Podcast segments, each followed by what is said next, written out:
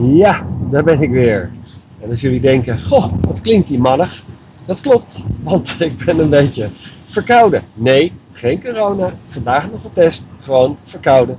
Maar inmiddels is het kwart over negen s'avonds. Ik kom net terug van mijn afspraak met de tandarts, waar ik in mijn vorige podcast het over had. En uh, ik rijd naar huis, dus ik heb nog drie kwartier voor de boeg. En toen dacht ik van ja, ik zit hier een beetje in mijn in die auto, dus ik kan maar beter uh, iets nuttigs gaan doen. En ik had wel even inspiratie, dus ik dacht ja, ik ga gewoon een podcast opnemen. Nou, alleen mijn stem is dus niet zo denderend meer, maar uh, volgens mij ben ik prima te verstaan. Uh, het, oh, ik, laat ik even nu officieel beginnen, want vorige keer was ik het vergeten.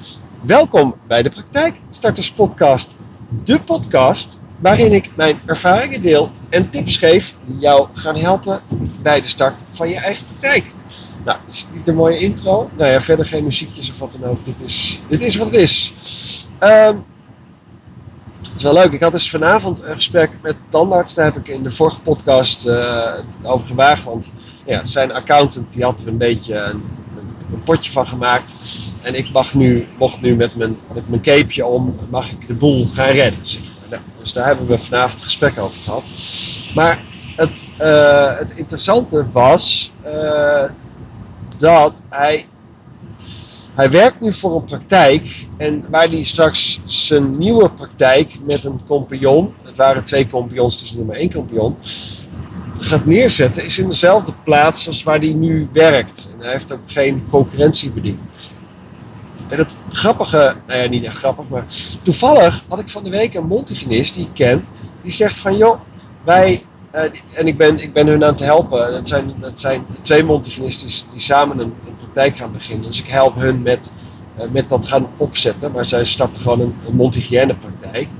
Uh, en zij stelde eigenlijk aan mij de vraag van joh, um, hoe werkt dat nou als we, ja, als we gaan kennismaken of willen samenwerken? Of weet je, op die manier in het, in het dorp waar we straks willen gaan zitten. Kan je daar niet een keer een podcast over opnemen?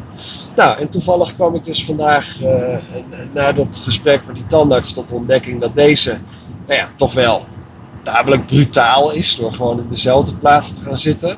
Maar goed, weet je, de praktijk waar hij nu werkt, daar is ook zo ontzettend veel al gebeurd. En de praktijk-eigenaar die zit meer in het buitenland dan dat hij nog aanwezig is. Dus ja, hij heeft zoiets van, ja joh, ik kan het beter voor eigen uh, uh, rekening en, risico gaan doen. Dus dat, gaat hij nu ook doen.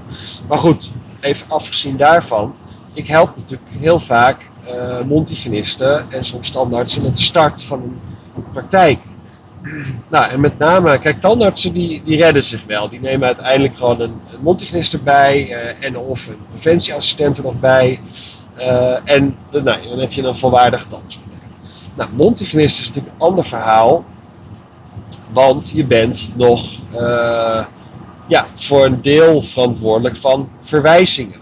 Ook niet altijd hoor, want ik, inmiddels een paar mondhygiëne praktijken die uh, hebben ook zonder verwijzingen gewoon in het eerste jaar 400 patiënten mogen inschrijven. Dus ik denk van ja, daar in die regio snappen de mensen echt wel het, het belang van goede mondhygiëne.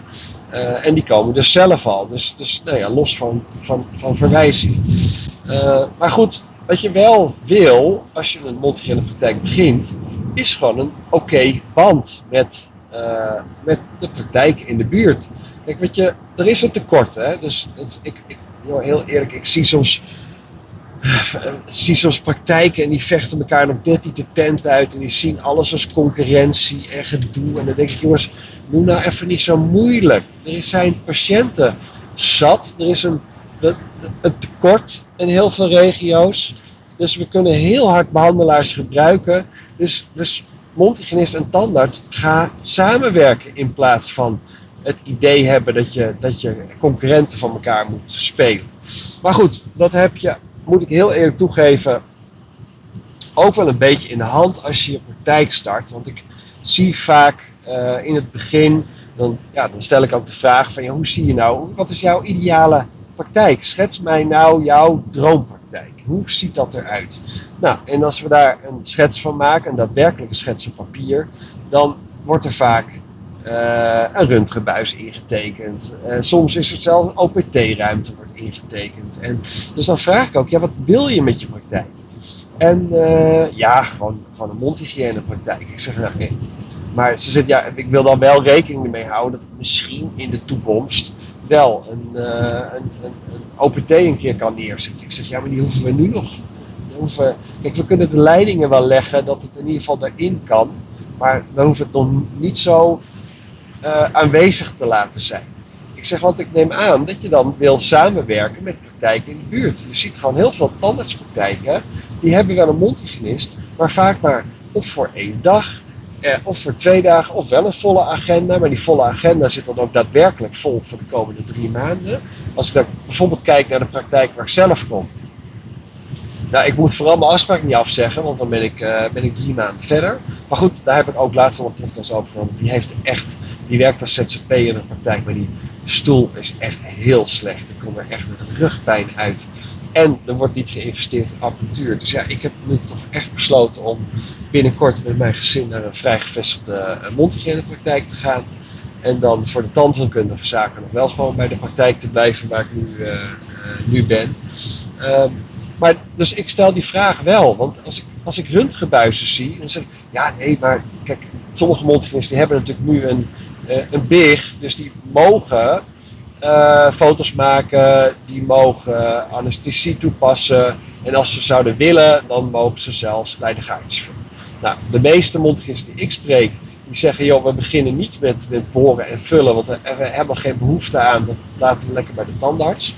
Maar anesthesie zijn ze super blij mee, want dan, hoeven ze in ieder geval niet te wachten op een akkoord en kunnen ze gewoon daar zelf mee aan de slag. En röntgenfoto's willen ook niet allemaal, maar ik spreek wel mondhygiënisten die hebben dan een vrije vestiging. En als ze dan de foto's opvragen, ten eerste duurt het dan soms heel lang voordat ze ze hebben. Dat is één. En soms is de kwaliteit van de foto's dermate slecht. Ehm, ja, daar kunnen ze niks mee. Dan, ik, ik ben in praktijken geweest waar gewoon de kwaliteit van de foto's zelfs zo slecht was dat zelfs de tandartsen zeiden van ja, aan de hand van deze foto's kan ik niet eens een diagnose stellen. maar ja, als, die, uh, als er wel iets verschrikkelijks blijkt te zijn en die, en die patiënt die zegt over twee jaar, ja maar je hebt toch een foto genomen, dus je had het moeten zien. Ja, wat moet ik dan zeggen? Ja, de, de foto was zo belabberd, dus ik zag er niks van. Nou ja, goed, dat dus.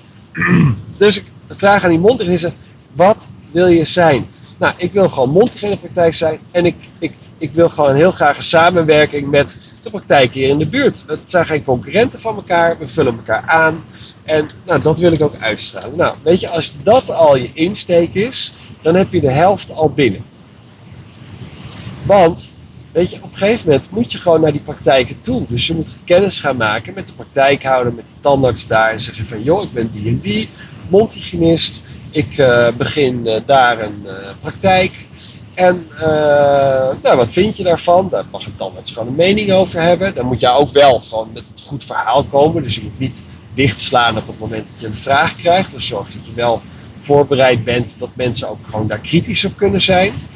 Ehm, maar als je alleen al laat zien dat je gewoon ja, eigenlijk een samenwerking wil en dat je graag dingen uh, wil overnemen waar zij gewoon niet aan toekomen, of waar ze niet de juiste mensen voor hebben. Of misschien ben je heel goed in paro, dat je zegt van joh, geef mij dan die paro. Uh, nou ja, en op die manier ga je wel, je, hoeft, je moet niet gelijk met een gestrekt been binnen. Van oh ja, ik ga daar en daar met mijn praktijk zitten. En, uh, en, en, of ik dan wel of niet doorverwijzing van krijg, dat kan me eigenlijk niet schelen. Nou, als je dat al doet, dan zit de deur dicht. Dus ik, ik heb laatst al podcast overgenomen, over, uh, opgenomen over het schrijven van een liefdesbrief aan de uh, praktijkhouder die zijn praktijk verkoopt. Omdat je gewoon min of meer je zakelijke verliefdheid moet verklaren op papier. En dat vergroot je kans om in ieder geval de gunning van de overname te krijgen. Nou, dit werkt een beetje hetzelfde. Het is, het is hoe je naar binnen gaat. Je gaat je gewoon voorstellen je gaat gewoon zeggen, joh, die en die ben ik. Ik ben dan en dan afgestudeerd. Dit zijn mijn specialiteiten. Ik zou het super vinden als we tot een uh, bepaalde samenwerking kunnen komen. Het hoeft niet gelijk nu. Anders begin je eerst gewoon met één. En dan kijk je hoe het gaat. En zoiets. Nou, en op die manier uh, ga je dat gewoon inrichten. Maar, maar zorg dan ook dat je praktijk uh, geen dingen heeft staan waarmee je eventueel zou concurreren. En dat kan een röntgenbuis zijn en een fosforplaatscanner. Weet je, leg wel gewoon leidingen aan dat gewoon alles gereed is. Het is alleen maar een stroomkabeltje en, en een afdrukknopje op het eind. Maar zorg dat de voorzieningen zijn getroffen bij de verbouwing om dat eventueel in de toekomst te installeren, mocht dat nodig zijn. Maar start er niet mee. Laat gewoon zien dat jouw praktijk puur een multigene praktijk is. En dat is wat je gaat doen. Dus op het moment dat je uh, richting tandheelkunde gaat, dan stuur je hem gewoon weer terug naar de tandarts. En zeg je, dit is tandheelkunde, dus dat moet, daar moet de tandarts maar naar kijken. Ik stuur je weer terug. Nou, en weet je, als je dat, um, want ik merk soms, met name bij tandartsen, dat die best wel zijn van, ja, ja dat is concurrent en het gaat niet werken. En die zijn er best wel fel op. Nou, dus je moet gewoon rustig, nou ja, gewoon naar binnen, vertrouwen winnen en, en dat soort zaken. En dat kan altijd niet werken. Hè. Kijk, je, je kan het ook drie keer proberen. En als het niet werkt, nou, dan werkt het niet. En dan moet je, je moet het sowieso op eigen houtje doen. Je bent straks zelf ondernemer. Uh, dus je zal je eigen broek moeten ophouden. Dus het is hartstikke leuk als je samenwerkingen kunt aangaan. En inderdaad uh, patiënten doorverwezen krijgt van tandartsen. Maar ook als dat niet gebeurt, moet je gewoon je eigen broek ophouden. Dus moet je beter met je marketing. Moet je misschien wel uiteindelijk die röntgenbuizen ophangen voor als je diagnoses wil stellen. Uh, en de foto's te laat komen of niet geschikt zijn. Dus hou daar ook rekening mee. Maar je kan het, je kan het altijd, je moet het altijd proberen om wel gewoon samenwerkingen. Ik, ik heb multigene praktijken gesproken. Die, uh, die kregen doorverwijzingen van zes praktijken. Nou, die draaien daar volledig op die zitten elkaar niet in de weg. Op het moment dat jij je, je, je behandeling hebt gedaan in je praktijk, nou, dan gaan ze daarna gewoon voor de controle terug naar de tandarts. En op die manier heb je gewoon een hele mooie uh, en een samenwerking en een duidelijke taakverdeling. En dat is, dat is hoe, hoe het hoort te gaan, denk ik. En ik hoop dat het ook echt zo blijft gaan. En ik zie soms echt pittige concurrentiestrijd die ontstaat. Maar het is denk ik niet nodig, want er, is, er zijn heel veel patiënten en er is een tekort. Dus uiteindelijk is er, is er voldoende voor iedereen om gewoon goede zorg te kunnen verlenen. Um, en je moet ja, ook gewoon redelijk naar elkaar blijven. Ik, ik, was laatst met een, met een mondhygiënist, ben ik nu in gesprek en die mag ik ook gaan begeleiden op termijn. Dus die is nu zoekende naar een geschikte locatie. en die uh, had een pand gezien. dus dan krijg ik de link doorgestuurd via, via app van de Funda linkje. En dan check ik even. Ik zeg, joh, heb je gezien dat er een tandartspraktijk naast zit? Oh, zit er een tandartspraktijk naast? Dan denk ik, ja, dat had je toch zelf ook wel even kunnen zien als je had gegoogeld. En uh, ja, is dat een probleem, zegt ze. Ik zeg, ja, ik vind niks een probleem. Maar het is wel een beetje een raar begin. Dus ik zeg, ik zou dan in ieder geval eerst even bij die, bij die tandarts op de website kijken wat ze precies aanbieden. Uh, en als je merkt dat er, dat er al een mondhygiënist werkt, uh, dan kan je kijken van ja, als ik er maar één dag zit en die heeft een mega volle agenda. Dus, uh, maar ja, eh, ik zeg, ik zou dan in ieder geval alvast op voorhand, nog voordat je ook maar iets met het huurcontract doet, gewoon eerst maar eens met die tandarts gewoon een praatje aangaan. Van joh, wat zou je ervan vinden? Als ik, als ik naast je kom zitten. En, want dat, soms kan het ook heel goed werken. Hè? Want ik had een keer een praktijk, die, uh, die is ook gewoon gestart als multigene praktijk. En ze had wel de intentie om op een gegeven moment, na, na een paar jaar, als het gewoon goed loopt, om ook een tandarts aan te gaan nemen. Nou, en die heeft inmiddels zo'n gave samenwerking met, met de tandarts die twee deuren verderop zit. Dat die tandarts uh, heeft besloten om om de mondhygiënist die daar werkte, om daar afscheid van te nemen. En die stuurt eigenlijk al zijn mondhygiëne nu door naar haar. Nou, en zij stuurt alle tandheelkunde weer terug door naar hem. Dus nou, er zitten twee panden tussen, maar ze hebben echt een superleuke samenwerking met elkaar. Nou, dat is in mijn ogen hoe het hoort te gaan en hoe het ook kan gaan. Maar ja, er zijn altijd twee partijen voor nodig. Ja, dus als jij je al gelijk competitief uh, opstelt en laat zien van joh, ik laat het kaasje van mijn brood uh, afeten en ik zorg er wel voor dat ik, uh, dat, ik, dat ik patiënten ga bedienen en misschien ook nog wel behandelingen ga doen die jij ook doet, ja, dan ben je ineens een concurrent. Terwijl je in eerste instantie gewoon ook een collega had kunnen zijn. En je wil veel liever een collega zijn die over en weer dingen uh, aan elkaar gunnen. En dat je elkaar gaat lopen concurreren. Want heel eerlijk, ik, nogmaals, ik geloof niet in concurrentie. Concurrentie maak je zelf.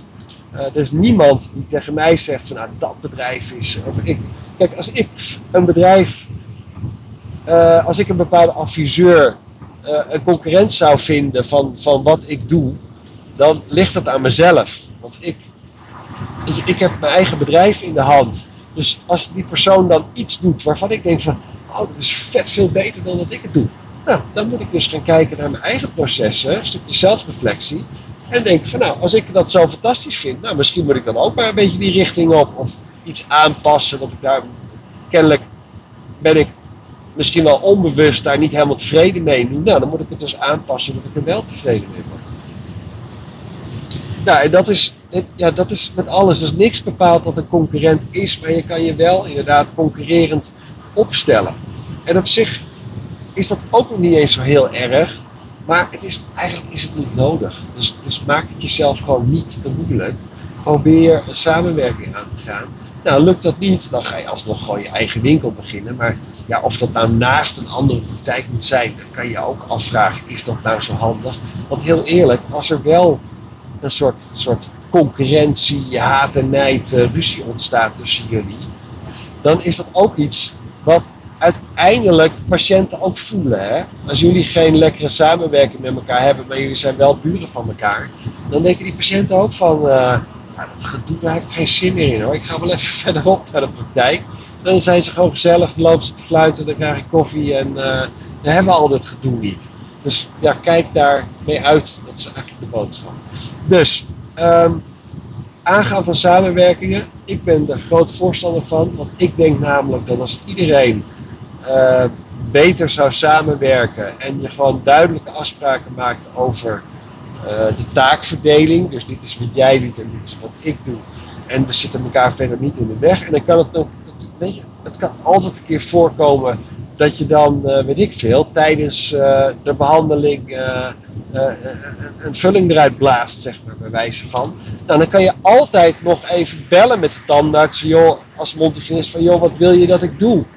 En, maar dat is ook weer anders, hè? dan neem je niet automatisch de beslissing van, oh ik, doe het wel even.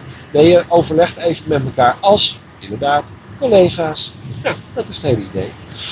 Dus ik, uh, ik hoop dat jullie wat aan deze podcast hebben gehad. Uh, mijn stem wordt slechter en slechter. Dus ik, krijg wel een mooie, zware stem, moet ik zeggen. En uh, dus ik wil er even iets over vertellen. En ik vond de titel wel leuk. Ik heb, ik bedacht dat ik hem ga noemen uh, vriend, vijand, collega of concurrent. Nou, dat moet aanspreken. Dus, dit was de praktijkstarters, kom je eens met mijn woorden, de praktijkstarters podcast van deze week. En ik spreek jullie volgende week weer. Doei!